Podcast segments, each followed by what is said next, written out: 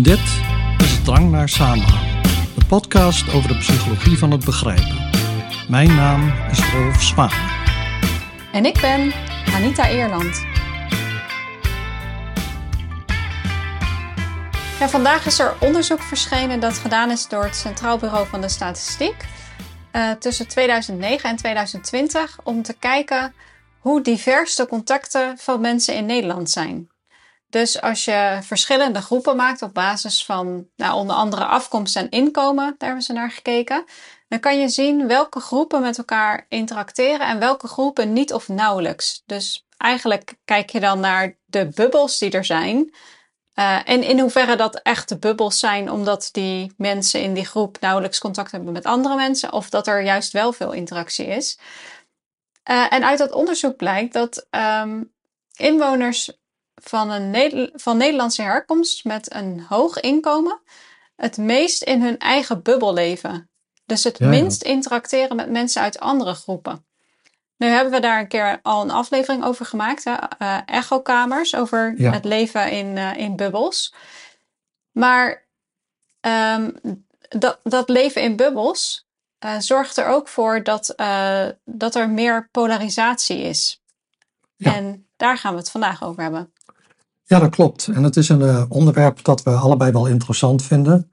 Hè, ja. Het is uh, wetenschappelijk uh, relevant.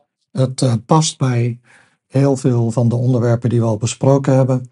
Ja, en het is natuurlijk actueel en maatschappelijk relevant. Ja.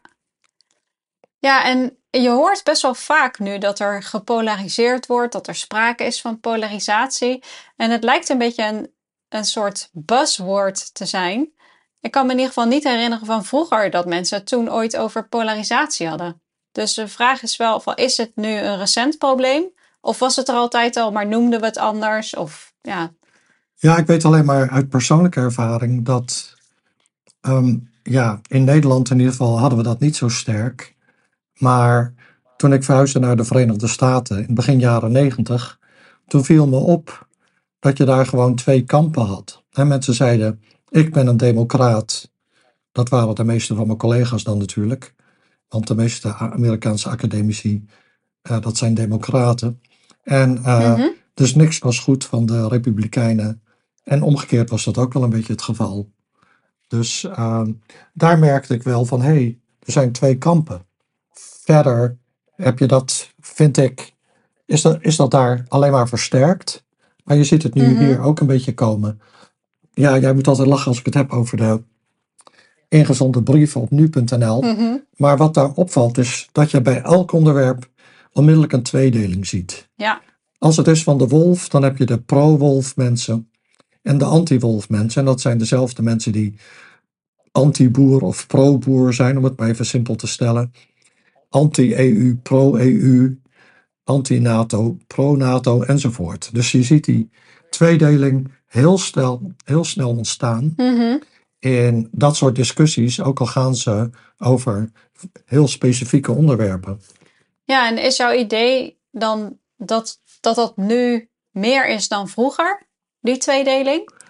Ja, volgens mij is dat nu meer dan vroeger. Ja. En uh, um, dat je krijgt, maar daar gaan we het nog over hebben, dat, uh, ja, dat mensen gewoon als het ware zich inschrijven op een uh, hele lijst van uh, onderwerpen waarop ze dan een bepaalde waarover ze een bepaalde mening hebben. En dan is er een andere lijst waar je precies de tegenovergestelde meningen ziet. Er zijn weinig mensen die een beetje van de ene lijst nemen en een beetje van de andere. Ja. Ja, daar gaan we het inderdaad nog over hebben. Misschien goed om te beginnen met polarisatie als begrip. Want ik zei al, uh, ik kan mij niet herinneren dat we het daar vroeger ook zo vaak over hadden. Terwijl het nu overal uh, genoemd lijkt te worden. Maar op zich, uh, het begrip polarisatie komt eigenlijk vanuit de experimentele sociale psychologie.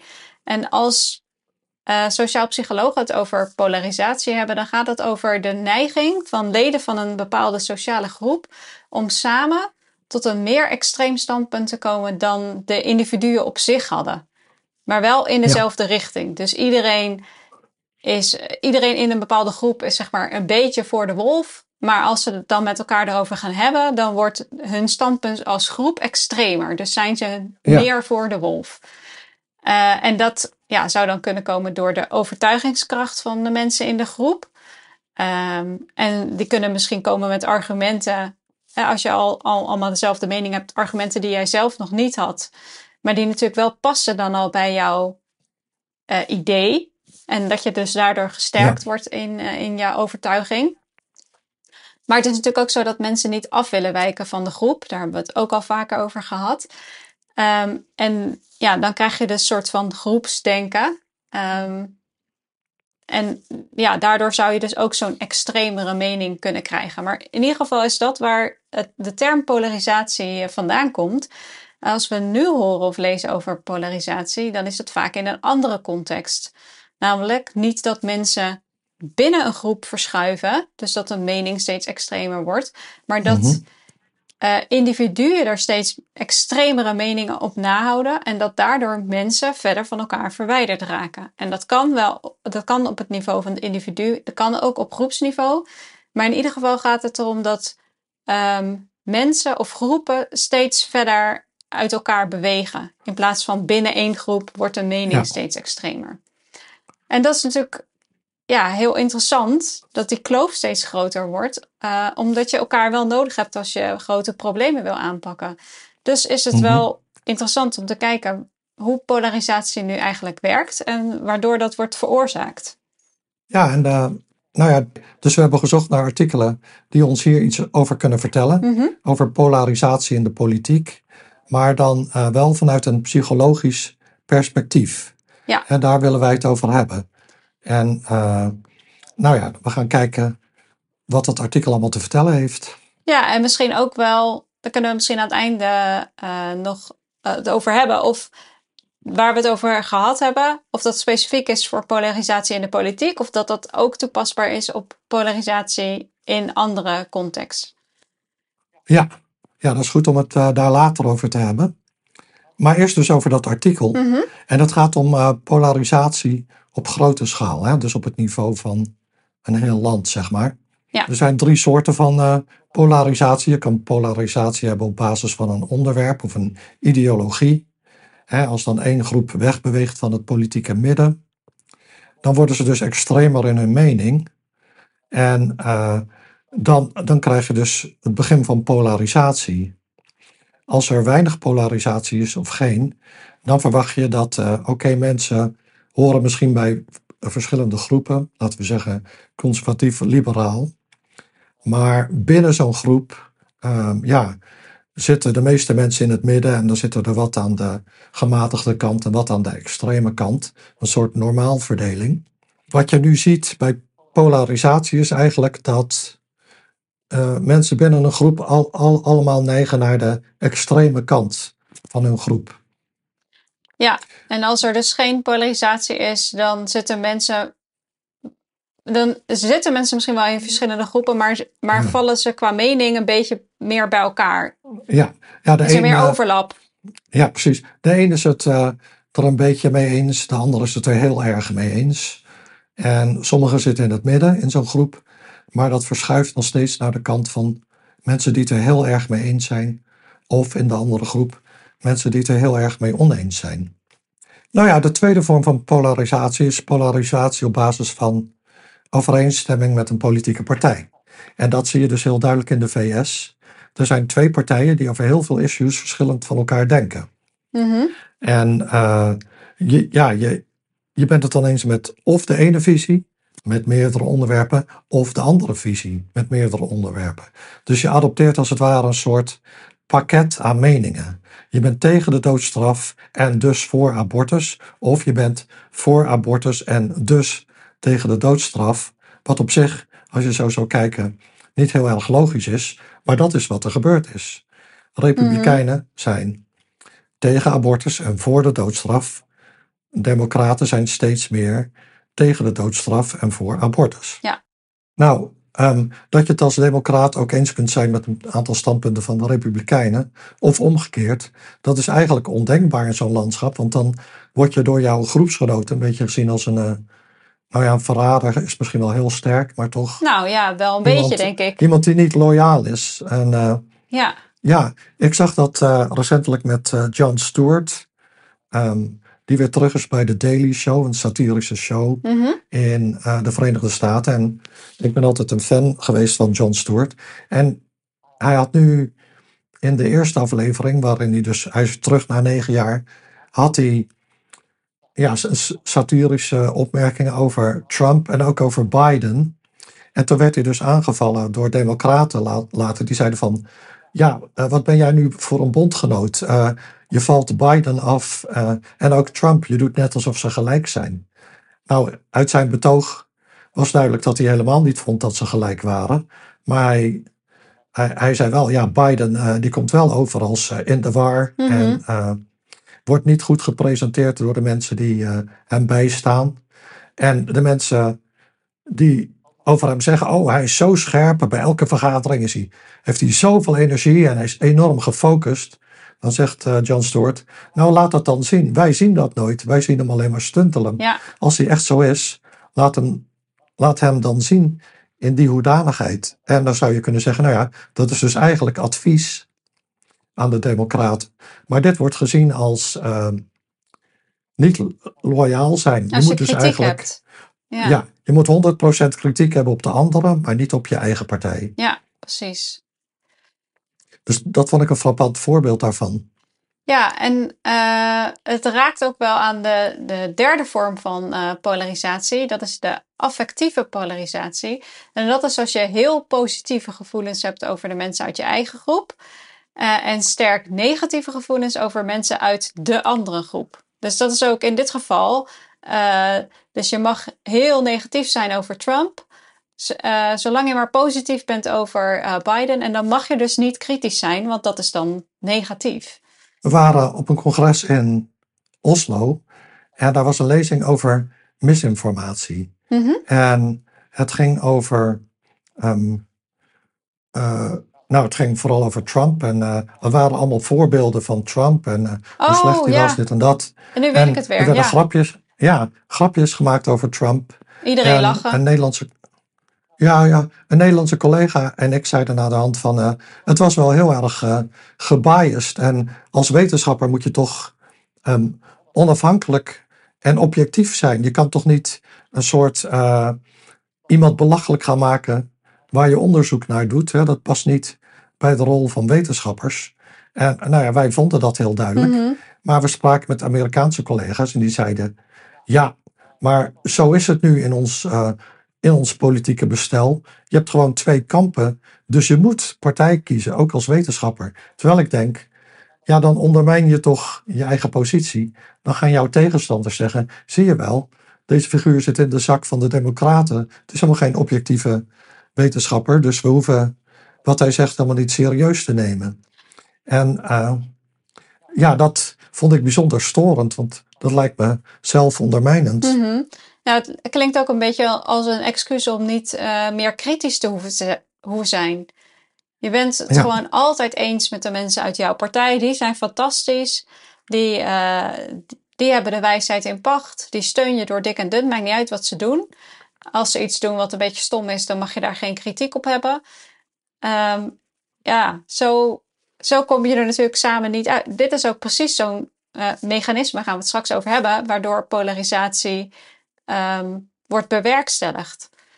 Ja, Ehm, dat klopt. maar ik was nog even bezig met die eh, affectieve polarisatie. Dus, dus heel erg negatief denken over mensen uit de andere groep. Heel erg positief denken over mensen uit eh, je eigen groep.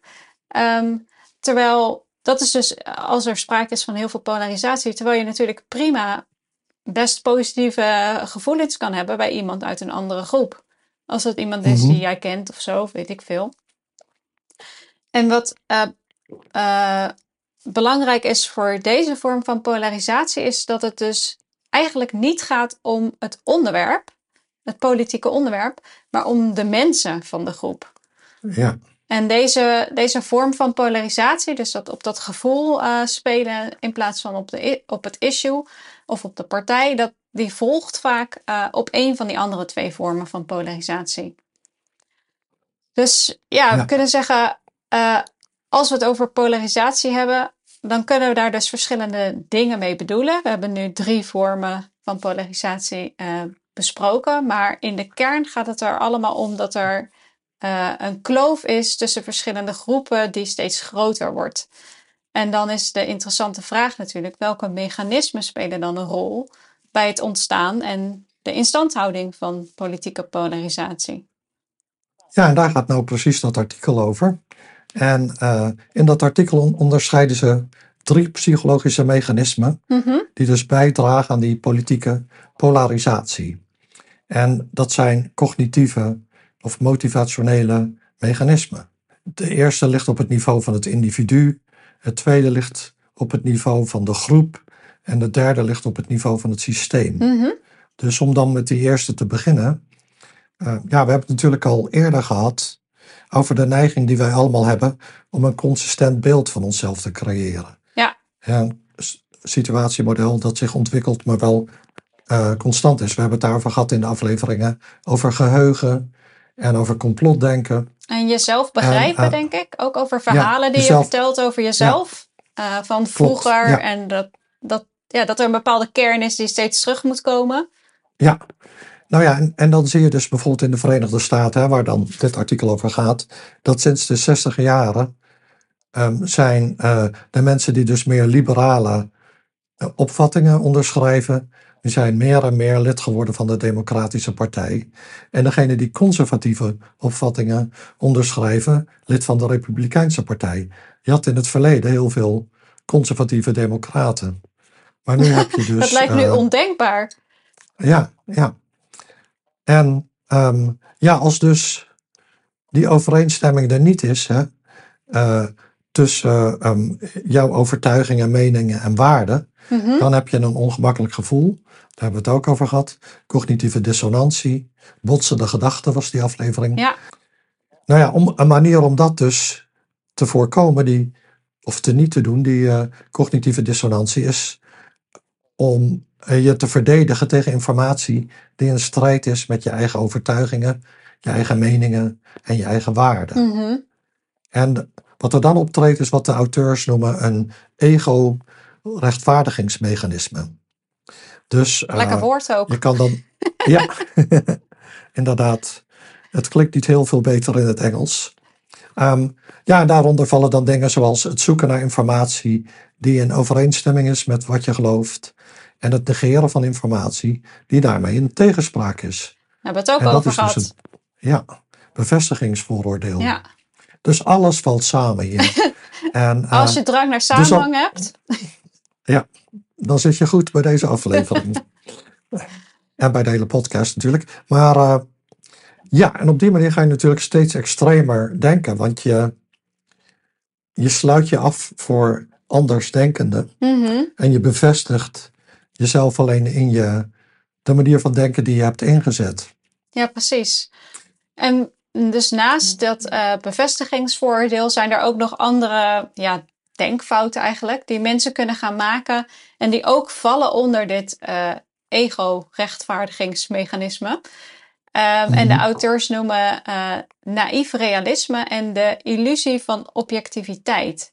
En dat is ja, mm-hmm. als individuen ervan uitgaan dat zij informatie op een meer rationele, uh, onpartijdige en nauwkeurige manier verwerken dan andere mensen. Zo van, ik, ik kan dit allemaal beter, die andere mensen zijn maar dom. Uh, daar hebben we het trouwens ook over gehad, over dat verschil mm -hmm. in, in kijken naar informatieverwerking. Uh, en als je daar natuurlijk eenmaal van overtuigd bent dat jij informatie op een goede, nauwkeurige manier verwerkt en andere mensen niet, dan is het ook moeilijker om denkfouten bij jezelf te ontdekken. Dus dan zie je ja, wel dat ja. andere mensen allemaal ten prooi vallen aan het bevestigingsvooroordeel bijvoorbeeld. Um, ja. Maar dat zie je bij jezelf niet, want jij denkt, ja, je denkt, het komt waarschijnlijk niet in je op dat, dat jij ook zulke soort fouten uh, kunt maken. En, Daar hebben we ook een aflevering over, maar ik weet niet meer hoe die heet. Um, welke? Dat je dus je eigen, mee, nou dat je je eigen objectiviteit of uh, rationaliteit overschat ten opzichte van die van anderen. We gingen dat, over anderen begrijpen, denk ik. Want daar zat een stukje ja, in over ja, ja, hoe wij anders kijken naar anderen ten opzichte van onszelf. Ja. En dat is met dit, de, met dit dus ook. Ehm, dus als je dat doet, hè, dus eh, als je gaat denken dat jij zelf zoveel beter informatie verwerkt dan andere mensen, dan creëer je dus meer polarisatie, omdat je nou, zelf denkt dat je niet ten prooi valt aan uh, denkfouten. En je kunt dus mhm. polarisatie verminderen door dit nou, wel te erkennen uh, en je enigszins intellectueel bescheiden op te stellen, zeggen de auteurs. Vond ik wel leuk gezegd.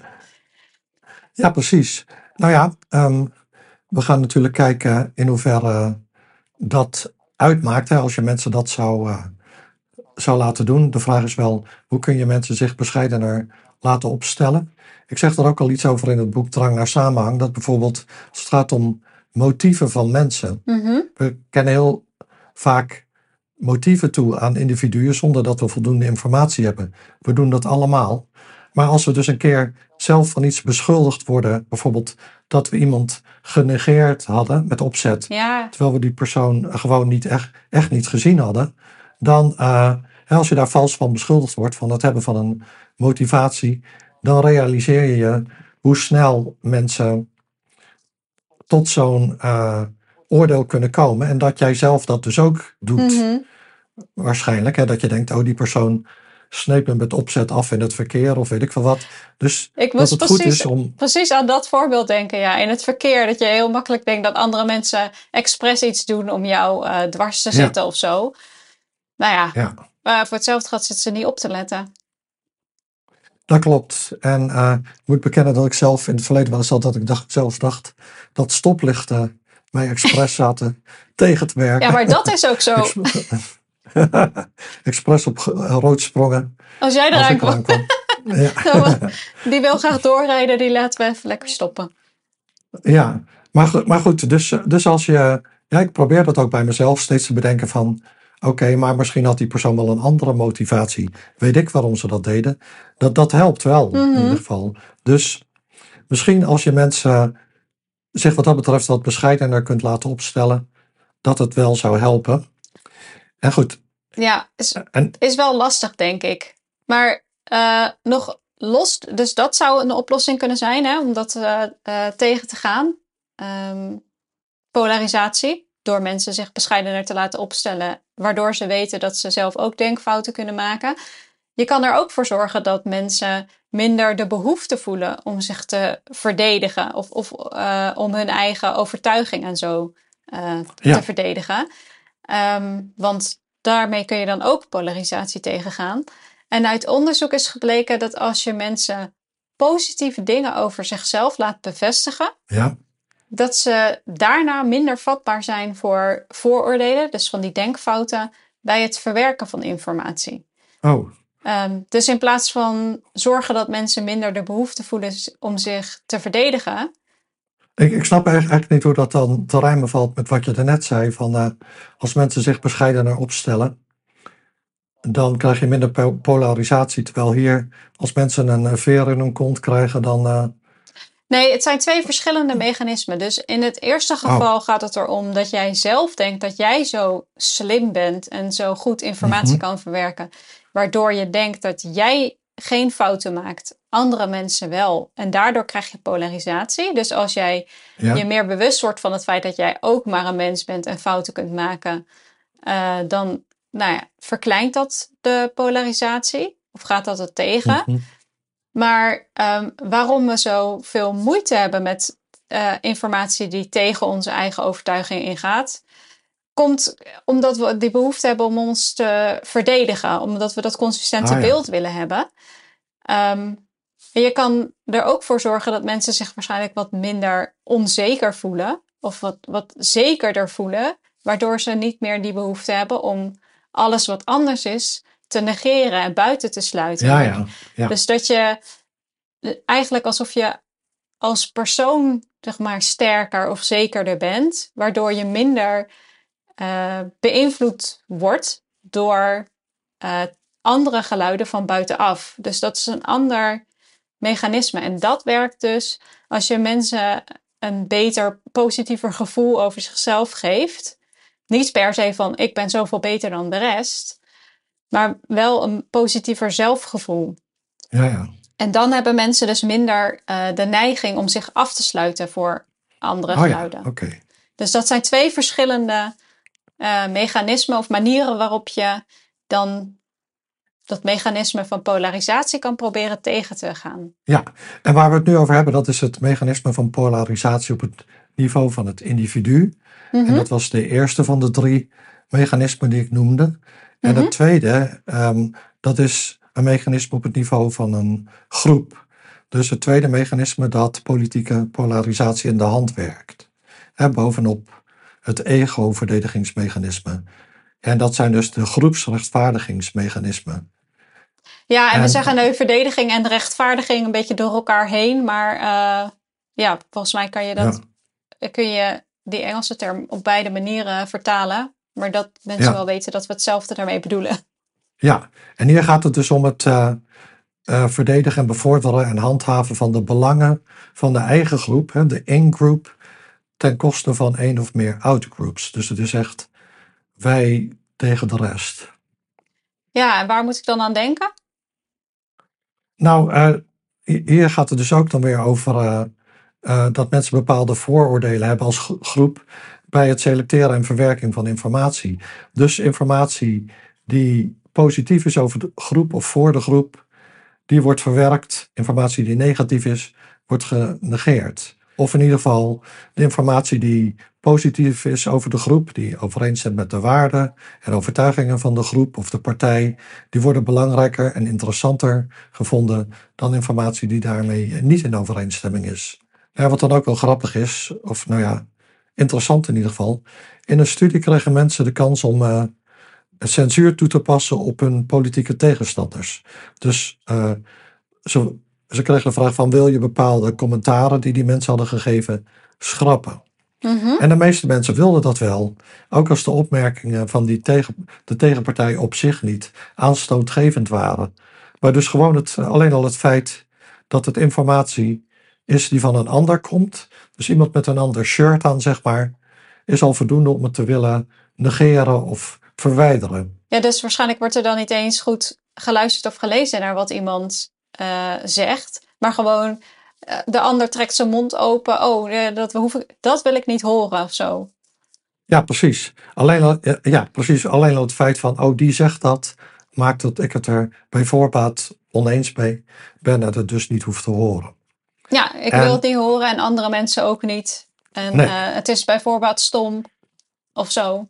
Ja, ja zoiets. En uh, dat groepsdenken, uh, dus dat wij versus zij, hè, mm -hmm. wij tegen de rest, dat kan dan leiden tot stereotypering. Hè, dus je gaat dan een stereotype maken van de tegenstander. Oh, dat is weer zo'n typische democraat. zo'n linkse liberaal die geld wil, over de balk wil smijten en de belasting hoger wil maken. Of, mm -hmm. uh, oh, dat is uh, zo'n type, typische conservatief die um, onze rechten wil beperken, et cetera, et cetera. Um, dat, uh, ja, dat proces wordt dan versterkt. En dus als dan die over, overtuigingen over die andere groep zo overdreven zijn en ook verkeerd, dan, ja, dan krijg je natuurlijk nog meer scheiding tussen de groepen. De afstand wordt steeds groter. En dan wordt dus ook de andere groep of leden daarvan gezien als uh, ja, uh, niet menselijk soms. In een ander artikel dat we nu niet verder bespreken, ging het over dehumanisering. Je ziet dan dat in teksten over dus de politieke tegenstander meer woorden gebruikt worden die te maken hebben met dieren. Oh, echt? Ja, dus, ja, ja, ja. dus de tegenstander aan beide kanten beide kanten maken zich daar schuldig aan. Mm -hmm. uh, die dehumaniseren hun tegenstander. Of de andere partij. Niet eens de tegenstander eigenlijk. Ja, toen ik, toen ik dit zo las, hè, niet van dat andere artikel waar jij dat nu net uithaalde over die, uh, die termen die gebruikt worden. Maar toen dacht ik ook, ja, door te denken in wij en zij en, en labeltjes te plakken, vergeet je eigenlijk dat die andere mensen, of dat die ander ook uh, mens is. Ja. En dat er waarschijnlijk meer is dat je bindt als mensen onderling dan wat je scheidt. En dat deed me weer denken aan een video die ik uh, tijdens mijn colleges laat zien. Gaat ook een beetje over groepsdenken. Het is een Deens project en misschien heb ik het het al eerder verteld. Met een hele grote diverse groep. En uh, nou ja, je hebt op basis van hoe iemand eruit ziet al allerlei vooroordelen. Maar dan vragen die projectleiders aan mensen van, uh, wil nu iedereen naar voren staan die uh, kinderen heeft of zo? Nou, dan zie je uit die hele diverse groep komt een uh, grote groep naar voren. Die gaan dan daar staan. Dan kijk je zo om je heen van, oh, dus wij zijn allemaal mensen die kinderen hebben. Nou, en zo komen er allemaal verschillende vragen. Dus ook wie, wie er gepest is op school of wie de pesters waren. En dan zie je eigenlijk dus dat er veel meer is wat jou bindt. Als je maar met elkaar het gesprek aangaat. Wat je niet op het oog kan zien. Ja. En dat vind, vind, ik een heel mooi voorbeeld van een uh, uh, nou ja, project op dat zichtbaar te maken. Dat, ja, dat, dat we meer gemeen dat, hebben dan, dan dat we van elkaar verschillen. Het laat zien dat individuen uit meer dingen bestaan dan alleen het lidmaatschap van een politieke partij. Mm -hmm. Dus in uh, die polarisatie wordt de politieke identiteit het allerbelangrijkst. En mensen worden gereduceerd tot hun politieke keuze. En ja. uh, dan uh, kunnen ze verder ook niks positiefs meer hebben. Als iemand op de PVV gestemd heeft, kan het geen aardige persoon zijn, et cetera, et cetera. Dat was wel een beetje de discussie die ik op Twitter zag. Mm -hmm. Ik herinner me dat één collega zei van, uh, hij had zijn hond uitgelaten en tijdens het hond uitlaten had hij gesproken met iemand van de PVV. Want die man, ja, die kende die, omdat hij altijd ook zijn hond uitlaat daar. Maar toen zei iemand anders, je moet helemaal niet met zo iemand praten en dit en dat. Uh, je moet anderen omarmen die door de PVV uh, weggezet worden. Uh, maar dat is duidelijk alles reduceren tot politieke keuze. Mm -hmm. Misschien was het wel een hele aardige man met een leuke hond. Toevallig stemt hij dan op de verkeerde partij. Maar dat maakt hem niet ineens een minderwaardige persoon. Nee, en ik denk juist dat het gesprek aangaan, maar ja, daar zullen we het later ook nog over hebben, Ja. dat dat juist heel krachtig kan zijn om polarisatie tegen te gaan. Want het, Ja.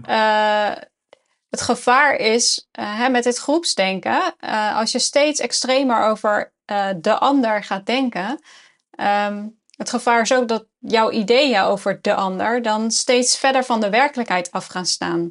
Dus bijvoorbeeld dat je denkt dat een heel groot deel van de Republikeinen evangelist is. Of dat een groot deel van de Democraten zichzelf ziet als lid van de LGBTQ-community.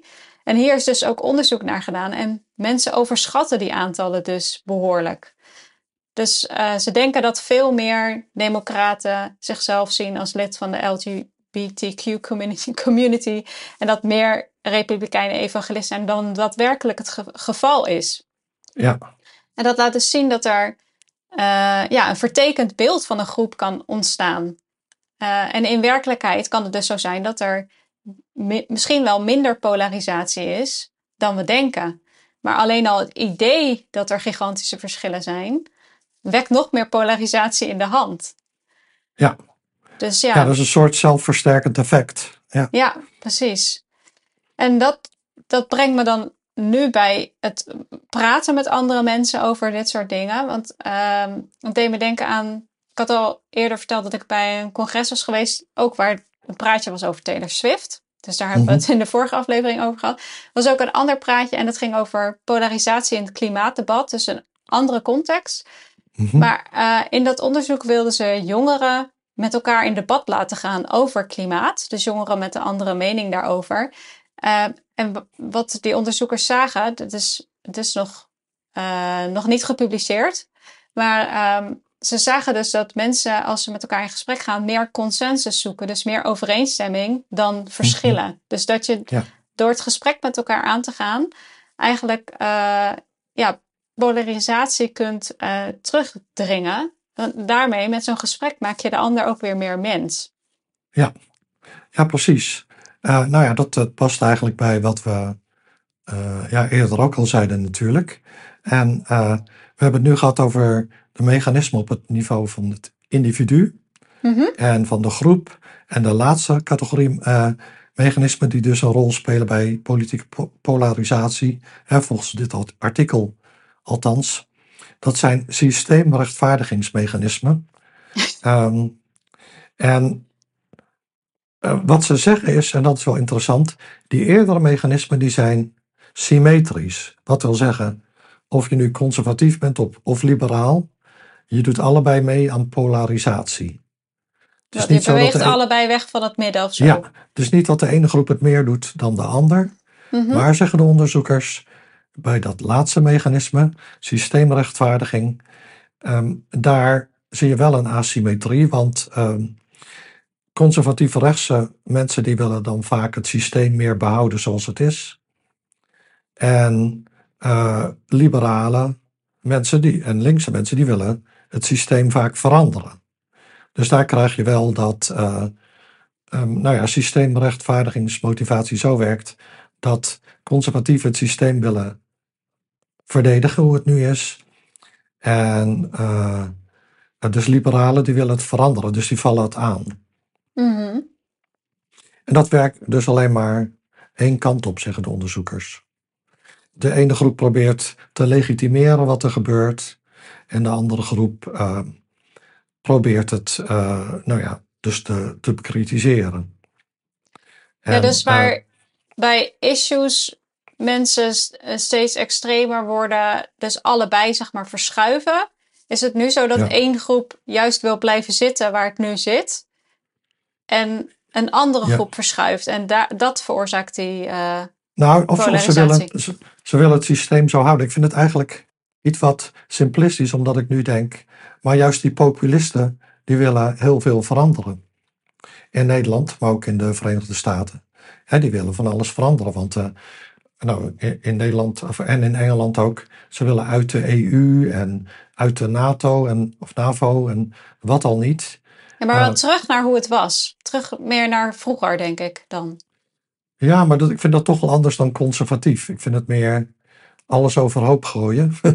en uh, um, dus de traditionele conservatieven, dan denk ik zo aan, uh, laten we zeggen, in Nederland degene die dan uh, altijd het kabinetsbeleid steunen en die vinden van uh, ons politieke systeem zoals het nu is, werkt goed. De overheid werkt goed. We hoeven helemaal niet zoveel te veranderen. Versus de mensen die dat wel willen. En dat zijn uh, mensen aan de linkerkant, maar ook mensen aan de extreme rechterkant. Die natuurlijk wel verschillende dingen willen. Maar, ja, en dan krijg je dus weer meer polarisatie op het, op het gebied van een onderwerp of van een politieke partij. Ja, ja. Dus zou, zou dus dit dan kunnen, omdat zijn de auteurs, heb ik even niet gecheckt, maar als ze uit Amerika komen, waar je dus heel duidelijk die twee partijen hebt, is de situatie natuurlijk wel anders dan in Nederland. Dus misschien kunnen we dat niet zo één op één overnemen. Nee, dat klopt. En, en dat is sowieso moeilijk met dit soort discussies. Want in Nederland hebben we dan extreem veel politieke partijen. Ja. In Amerika hebben ze er heel weinig. In China nog wat minder. maar uh, in, uh, en in Rusland. Maar in uh, Duitsland bijvoorbeeld, dat zit er een beetje tussenin, denk ik. Minder dan in Nederland, maar meer dan in de Verenigde Staten. Dus dat vind ik best wel moeilijk. Ik ben mm -hmm. natuurlijk geen politicoloog. Dus het, ik vind het moeilijk om om dan te generaliseren van politiek systeem naar politiek systeem. Maar ik snap wel het idee van sommige mensen willen het systeem behouden zoals het is. En dat zijn, dat noemen we vaak de traditionele conservatieven. En anderen willen het veranderen. En diegenen ja. die het willen veranderen, die, die, die moeten dan extremer worden, zeg maar. En die anderen, die blijven natuurlijk uh, vast, willen vasthouden aan hoe het is en willen dat dan rechtvaardigen. Uh, ja. Nou hebben we het uh, dus nu gehad over drie, die drie systemen. Mm -hmm. En we zijn ook alweer uh, aardig lang bezig. Dus ik denk eigenlijk dat we de rest van wat we hier hebben over dit artikel uh, moeten bewaren voor een uh, nieuwe aflevering. Een volgende aflevering. Wat denk jij?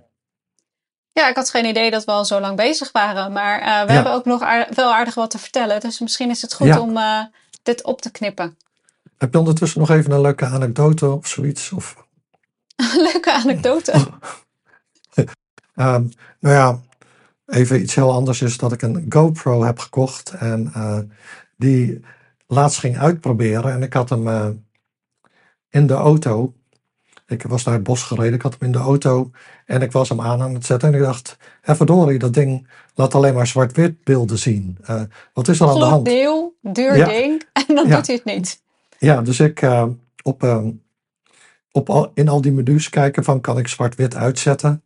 Ik vond niks. Toen op mijn telefoon gekeken van uh, GoPro Problem Black-White of zoiets. Vond ik ook niks. En toen dacht ik ineens, hé hey, verdorie, maar het hele interieur van mijn auto is grijs tinten. En ik heb een zwarte broek aan. Dus toen ik mijn GoPro op het bos richtte, toen zag ik wel ineens groen en bruin. Dus nou ja. Hij deed het gewoon. Dus even, hij deed het gewoon.